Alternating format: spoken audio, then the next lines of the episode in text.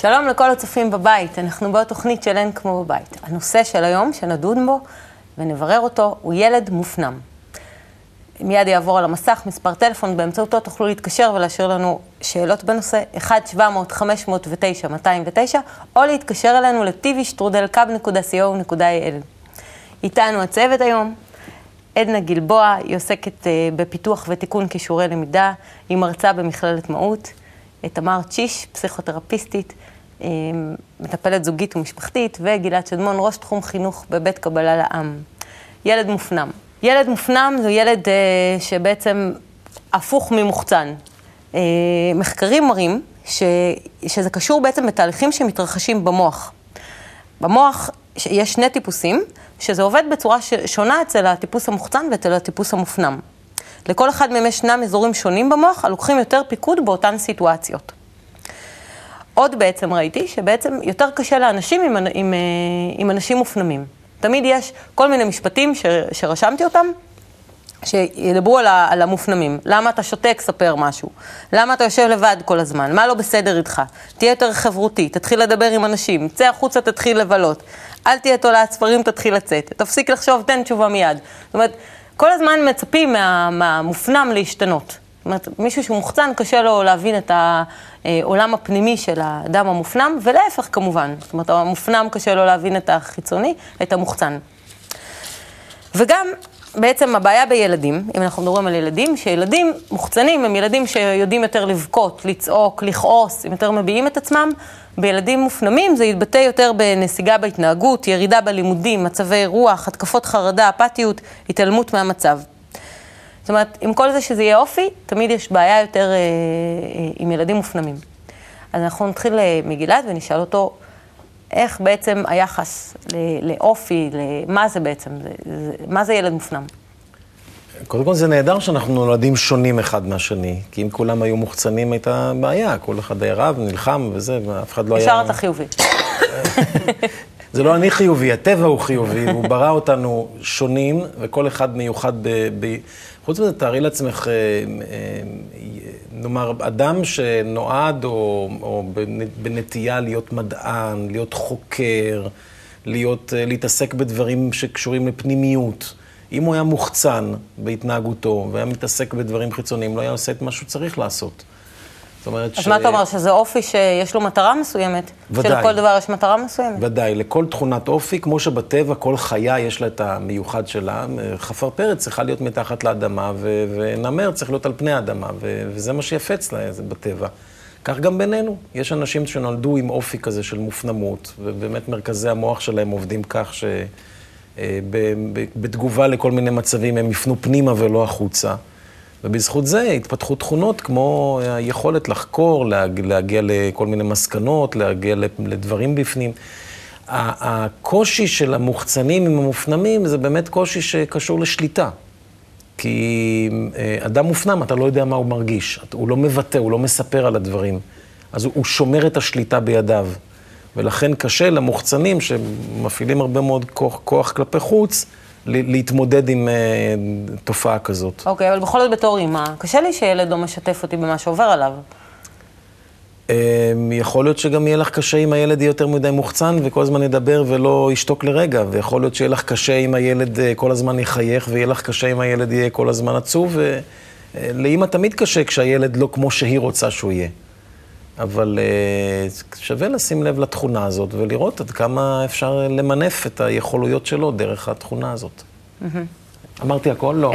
לא, אם היית אומר הכל, מה היה נשאר לי? המבט הזה של... אני מקשיבה ככה בעיון, ואני סופגת ולומדת, אני ומנסה דרך זה לברר, אה, האם אני טיפוס מופנם או מוחצן? ממה שדיברתי איתך קודם, הבנתי שאת מתעסקת בסוג של אה, טייפים, נכון? בחלק מהלימוד. שאת מלמדת? למה הכוונה? אני לא הבנתי שאת uh, מתעסקת בטיפוסים. לא. אני, אני לא מתעסקת בטיפוסים, אלא להפך, אני, אני חושבת שאולי עיקר הניסיון שלי בעבודה עם אנשים זה עד כמה שפחות לתייג. ואני חושבת שכולנו נמצאים על הרצף של בין מופנמות למוחצנות, כי בסך הכל על זה אנחנו מתנהלים. ובלי לתת לזה איזושהי הגדרה ערכית, אם זה טוב או לא טוב, אם זה קשה או קל, אם זה רע, אם זה בסדר, אם זה לא בסדר, אלא קודם כל להתבונן על זה כעל אה, אה, מערכת נתונים. יש אדם כזה ויש אדם כזה. ו... זאת אומרת, את גם נותנת לזה יחס שזה מולד. אני חושבת שזה לא רק מולד. אין לי ספק שאנחנו, מרגע לידתנו, אנחנו גם מושפעים מהסביבה שבה אנחנו גדלים, וזה המיקום שלנו בין האחים, וזה ההורים, וזה התרבות. הרבה ילדים יכולים להיחשב כמופנמים אם הם באים מתרבות שאומרת, כילד. תשתוק, תהיה יותר רגוע, תהיה יותר שקט. אני חושבת שילדים אה, ישראלים נחשבים בגדול מוחצנים, mm-hmm. כי יש לגיטימציה למוחצנות הזאת, ולעומת זאת, אה, אולי אפילו, אולי אני טועה, אבל אני חושבת שבמגזר הדתי למשל, אפשר למצוא ילדים שהם... יותר מופנמים. יותר כביכול מופנמים. שהתפרש אני... במקום אחר כיותר מופנמים. בדיוק, וזאת הפרשנות שאנחנו mm-hmm. עושים על זה בהרבה מהמקרים. אדם מופנם זה אדם ששואב את האנרגיות שלו ממקורות פנימיים, בעוד שאדם מוחצן מקבל את האנרגיות שלו מבחוץ. וכשאנחנו מדברים על מופנם, חשוב שנסתכל, א', אם לילד טוב שם או לא טוב שם. כי אם הוא סובל שם, אז יש מקום שנתבונן וננסה אולי לעזור לו, אבל לא בהכרח רע לו. יכול להיות שמאוד טוב לו במקום הזה. ו... ונבדוק בעצם מאיזה, אה, מאיזה מקור מגיעה המופנמות הזאת. לפני שאנחנו באים בכלל ונותנים לה איזושהי הגדרה ובאים אה, להסתכל מה לעשות עם זה. לפני התיוג. עדנה? כשאנחנו קולטים דרך כל החושים שלנו, כל מה שקורה במציאות שלנו, כל מאורע, כל התרחשות, כל מי שאנחנו רואים, כל מה שאנחנו שומעים, בכלל, כל חוויה, אז יש, קיימת אצלנו במוח מין מסננת כזאת שאומרת, זה טוב לי, זה רע לי, זה יהרוג אותי, זה יכאיב לי, זה נעים לי, מה עושים עם זה. כל הדברים האלה, ילד מופנם... באיזה מובן? של רווח והפסד. עוד, עוד לפני כן, זה יהיה לי רע וזה יהיה לי טוב, אז זה לא רק רווח והפסד, זה הישרדותי יותר. אז ילד לוקח את זה לכל מיני מקומות. יש ילד שמגיב על ידי זה שהכל יוצא החוצה, והוא בעצם אה, מפעיל סוג מסוים של, של כוח, של ביטוי רגשי, של ביטוי חיצוני, הוא לוקח את הכל החוצה. שופך את זה בחוץ. ילד שלוקח את הכל פנימה ועושה איזשהו עיבוד פנימי עם הדבר הזה. אבל ילדים שלוקחים את זה, את הכל פנימה, אנחנו צריכים לבדוק אם הם לוקחים את זה הכל פנימה כדי לברוח ולהתכנס בפנים, או אם הם לוקחים את הכל פנימה וזה מעשיר את עולמם, והם לא כל כך צריכים את החוץ. החוץ הוא תפאורה, החוץ קיים, החוץ הוא חלק של תקשורת, אבל להם יש עולם פנימי עשיר. לכל סופר יש עולם פנימי עשיר, לכל משורר יש עולם פנימי עשיר, לכל מדען יש, לכולם שקוראים ספר. זאת אומרת, שתתייחס לזה גם כן שיש לזה תפקיד. בוודאי שיש לזה תפקיד, אבל אני לא מבקרת. והורה צריך למצוא אותו למרות הקושי שלו. הורה צריך למצוא את המקום, אם דיברנו בתוכנית קודמת על כבוד, הורה צריך למצוא את המקום, לדעת אם זה בא מתוך המקום המעשיר את הילד, או בא מהמקום הסוגר את הילד בפנים כי מפחיד לו בחוץ. אפרופו הורים, בואו נראה מה להם יש לשאול על ילדים מופנמים. נעבור לפינה שלנו לכל שאלה תשובה.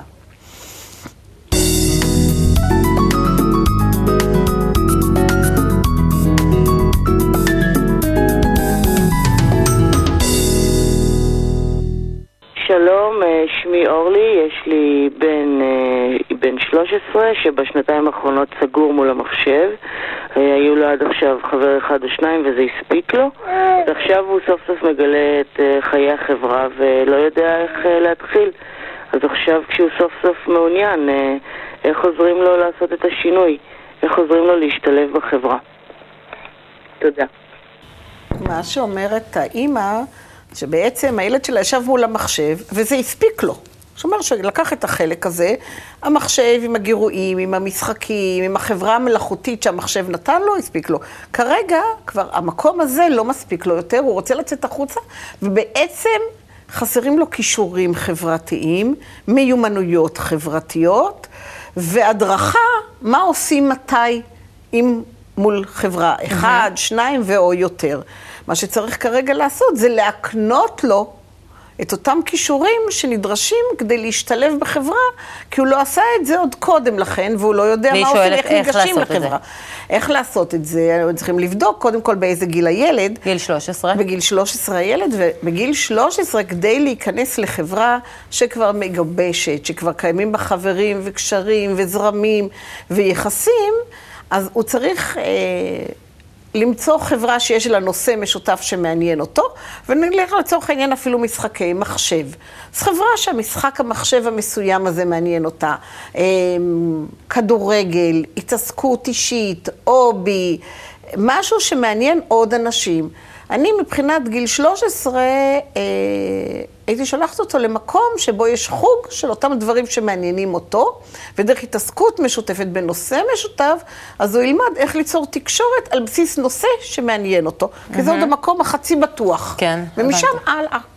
אני בהחלט יכולה להסכים איתך, כי אחד הדברים אולי שמאפיינים באמת ילדים אה, מופנמים, גם אותם אלה שהמופנמות היא לא על בסיס של אה, חוסר אה, ביטחון עצמי, של דימוי עצמי ירוד, שזאת אופציה של מופנמות. שלו?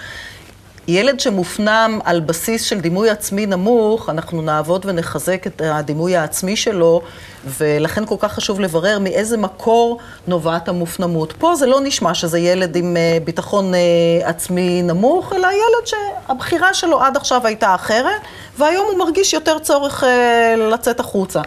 והאמת היא שכשילד הוא מאוד מופנם, אז הוא לא מפתח את הכישורים החברתיים, המיומנויות החברתיות חסרות.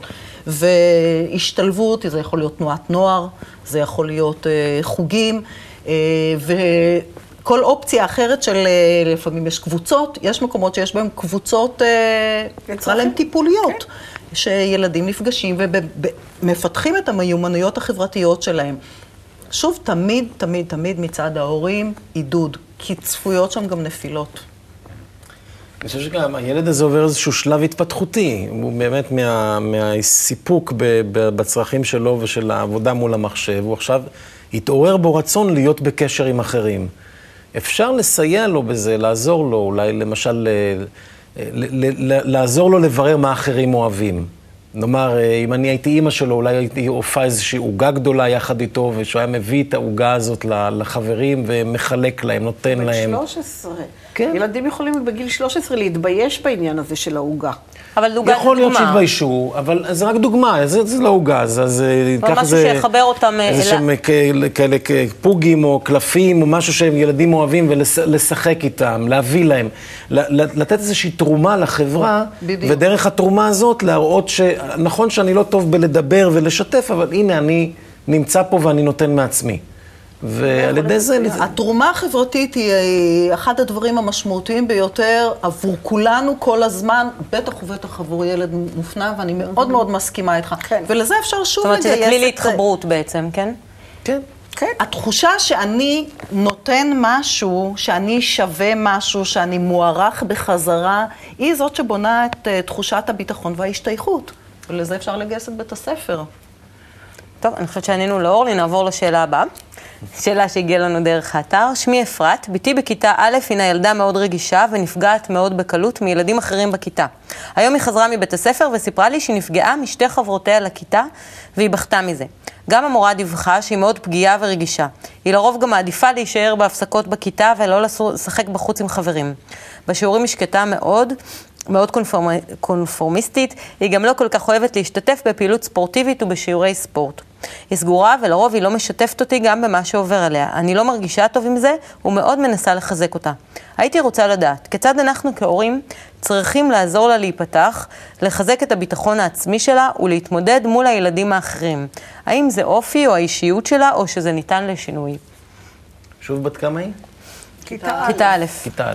אה, היום בבתי הספר יש הרבה מאוד תוכניות חברות והתחברות, כשהמורות, מורים, מצמידים ילד לילד, וילדים עושים אחד לשני ומתחלפים כל שבוע כל שבועיים, פעם קראו לזה ענק וגמד, היום קוראים לזה חבר מול חבר, שאחד צריך לעשות עבור השני, להזמין את השני פעם, פעמיים, שלוש, שבוע אחרי זה מתחלפים עם ילד אחר, וכך כל ילד בעצם כחלק משיעורי הבית שלו, אחד על אחד יוצר חברויות. זאת אומרת שאת אומרת שמערכת החינוך עצמה, המורה בבית ספר צריכה ליצור את ההתחברות ביניהם? המורה בבית הספר צריכה ליצור את ההתחברות המלאכותית, כדי ללמד ילדים אה, ליצור את הקשר ביניהם, אם לילדים אין.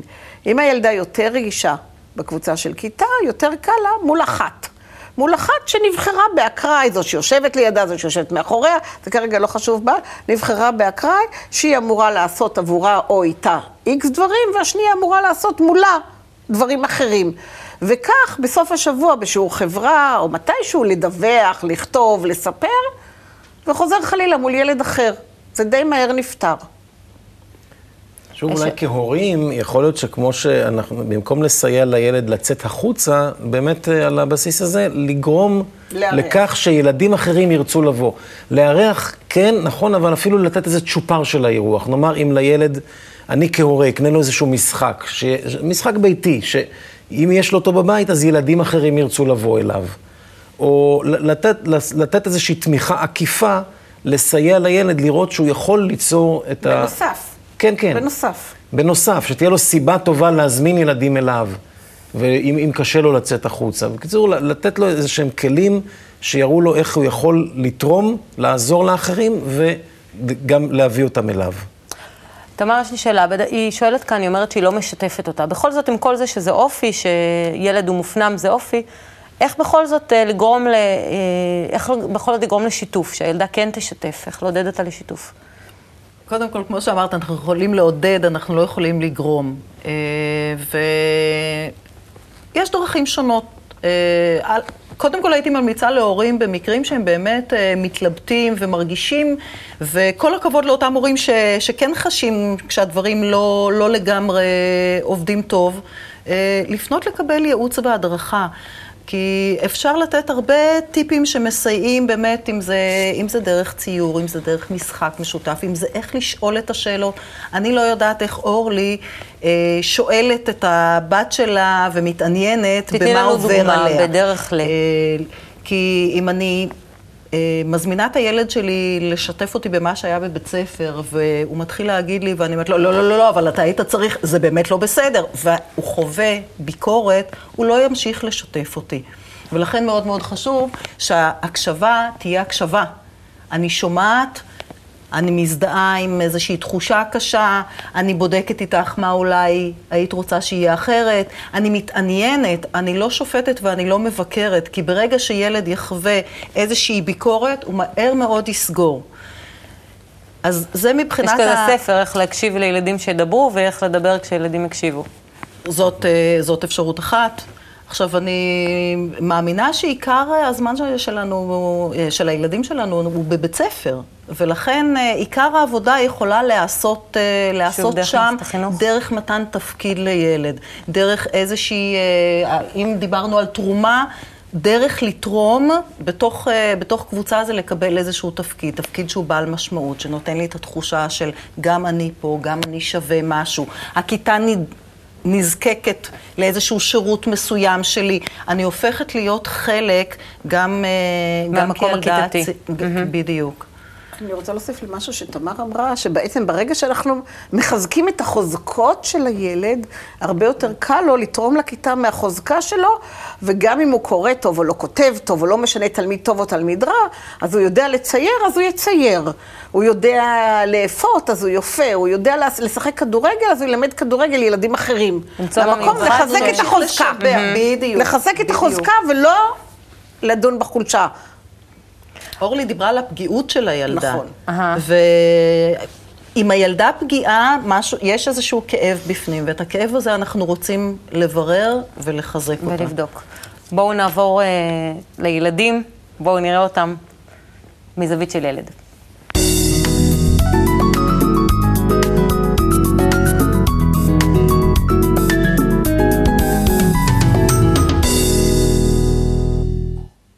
איך ילדים רואים ילדים מופנמים? את זה נראה בקליפ שלפנינו. שלום, קוראים לי נויה ואני בת עשר. קוראים לי יונתן ואני בן עשר. שלום, אני מירי ואני בת שמונה וחצי. קוראים לי יעקב ואני בן שמונה וחצי. יש ילדים שנחשבים ליותר סגורים וביישנים. זה טוב או רע? אה, רע. זה לא טוב ולא רע. ככה ככה. אה, בשבילם זה טוב, כי טוב להם. למה? כי אני כזאת, לרוב. ואני יודעת שמצד אחד זה טוב, כי יש לך לרוב המון חברים, אבל מצד שני זה די רע, כי לרוב מתייחסים אליך לא יפה בגלל זה ומנצלים אותך. כי קשה להיות איתם בקשר, קשה לדבר איתם, קשה את האמת ככה בכלל לחיות. כי אם הם ביישנים לפעמים זה גם יכול לעזור להם. כי uh, טוב להם לבד. Uh... אם היה לך, אם הייתה לך חברה שהייתה מאוד מאוד סגורה וביישנית, את חושבת שהיית יכולה לעזור לה? לא. Uh, הייתי uh, עוזר לו, אומר לו, תתחיל קצת uh, יותר לדבר, להיות בקשר עם אחרים, וככה יותר תוציא את כל הרגשות שלך ואת הדברים שלך, וככה לא תהיה סגור. להכיר לחברים. את חושבת שההורים יכולים לעזור לילדים שהם סגורים וביישנים? כן. כן? כן. איך? צריך ללמד אותם שלא תמיד חייבים להסכים לכל הדברים שלא נעימים לך, ושצריך לפעמים לומר גם את מה שאתה מרגיש. להגיד להם שאם יהיה, אם הם יהיו ביחד יהיה להם הרבה יותר טוב. אתה חושב שלהיות ביישן זה אופי, או משהו שיכול להשתנות עם הזמן? אה, אופי זה מתי שאתה לא בקשר עם כולם, שאתה לא מחובר עם אף אחד ואין לך חברה, אבל זה יכול להשתנות רק על ידי החברה שאתה מתחבר איתה. זה משהו שיכול להשתנות. יכול להשתנות. איך?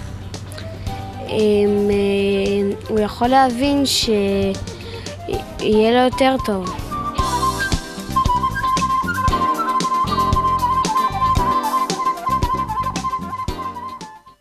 אז אנחנו רואים אה, שילדים אה, מבינים דווקא מה זה ילד מופנם. דווקא אהבתי שילד אחד אמר ש, שלפעמים זה בסדר שילד לבד.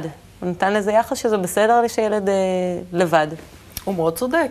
אה, ולכן, כמו שאמרתי קודם, אסור לנו לשפוט את זה. יש ילדים שזה הצורך שלהם, שהם צריכים הרבה שקט, שהם צריכים את המקום הסגור, שם טוב להם. ואין שום סיבה שניקח להם את הטוב. יש איזושהי תפיסה אה, שאם אתה לא בחברה ואתה לא אין ואתה לא... אז אתה סובל. לא בהכרח. והוא מאוד צודק, אותו ילד. נחשוב גם על זה שילדים הולכים לבית ספר, הם שעות רבות נמצא, נמצאים במסגרת שיש בה הרבה רעש והרבה מתח והרבה דרישות לקשב מאוד גבוה ולאינטראקציות. ושעות חוזרים, מאוד ארוכות של לימוד. נכון, הם חוזרים הביתה וחלק מהם צריכים את השקט ואת ה, את המחשב, את הספר, את המשחק שלהם, והכל בסדר. מה שחשוב זה שאנחנו רק נבדוק אם באמת טוב זה. להם, זה הכל. Mm-hmm. אבל הם, הילדים דיברו על זה שגם, אה, שהם רוצים את העידוד מההורים, שהם רוצים... בכל זאת כדי לדבר. אה, כששאלו אותם אה, אם, אם, אם ההורה צריך לעודד אותם כדי לדבר, והם אמרו כן. בוודאי שההורה צריך לעודד אותם. כי ההורה צריך להכיל אותם, ההורה צריך קודם כל לאהוב אותם ולהיות פנוי עבורם. כל ילד מבקש שההורה יהיה פנוי עבורו, שיהיה במלוא מאודו עבור הילד באיזשהו פרק זמן קצוב כזה או אחר, אבל הוא לא יבשל ולא יפנה למקומות אחרים ולא יהיה עסוק בשלו ולא ידבר באמצע בטלפון, אלא שיקשיב לו ויעודד אותו לספר את הסיפור שלו מהמקום הכי בטוח. מהמקום שיקבל את כל מה שהילד יספר, ממש כמו בנעלי בית כשאנחנו באות הביתה, אז מהמקום הזה שההורה יקבל את מי שהילד שלהם. שהיום כמה זמן, כמה דקות אה, הורה מקדיש לילד בשבוע? בסטטיסטיקה? 14 דקות, משהו כזה. 14 דקות שבועיות. כן. זאת אומרת, שתי דקות... בקשב הזה, שתי דקות ביום. המוחלט. שתי כן. דקות ביום. זה המון, אני חושב שזה גם קיים. אני זוכר את עצמי בתור ילד מופנם, ובאמת, אה, מה זה מופנם? לא הרביתי לדבר. אה, אתה היית ילד מופנם? כן, אני קודם כל התחלתי לדבר בגיל מבוגר, חמש, משהו כזה, ממש... אה, ו... לא היה לך מה להגיד. כן, עד, עד אז הכל היה בסדר, לא היו כן. חסרים שתי כפיות סוכר בשוקו. אבל uh, אני, אני זוכר את עצמי הרבה פעמים מסתכל על אנשים, ואני אומר, למה הם מדברים כל כך הרבה? אני ממש זוכר את המחשבה הזאת. למה הם לא שומרים קצת לעצמם? למה הם מגלים הכל? וזה ממש הפליא אותי. אחר כך, עם הזמן, קצת uh, נעשיתי יותר חברותי, אבל... Uh, כיבדתי גם את אלה שמדברים. אבל אני ממש זוכר את ההרגשה הזאת של למה הם לא יכולים קצת לשתוק? לשמור לעצמם את הדברים האלה. יש, יש, הרבה, יש בעמדה הזאת של המופנם איזושהי עמדת כוח.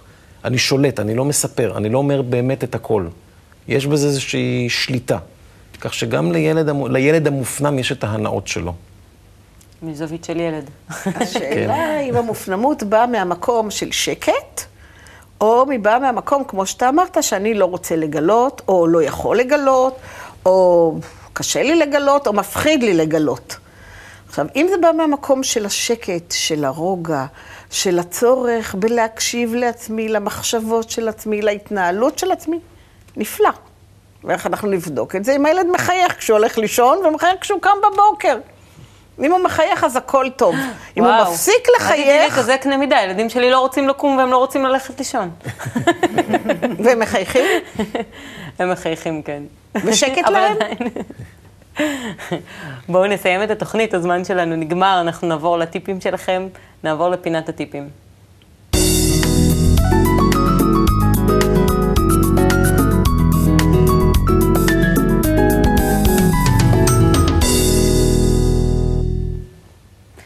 אין יקרה, תני לנו טיפ.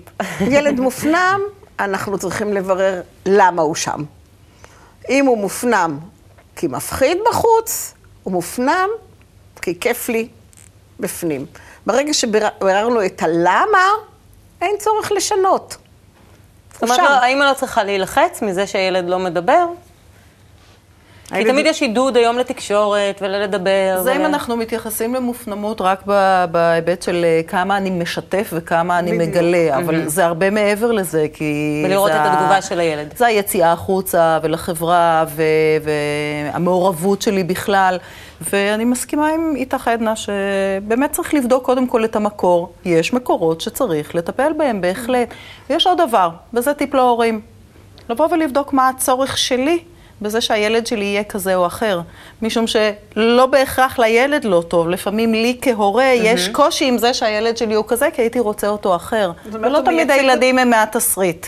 הוא מייצג אותי. הפוסל במומו פוסל. כן, אומרים שאם היהודייה שואלים אותה בני כמה ילדים, אז היא אומרת שהרופא בן חמש והמדענית בת שלוש.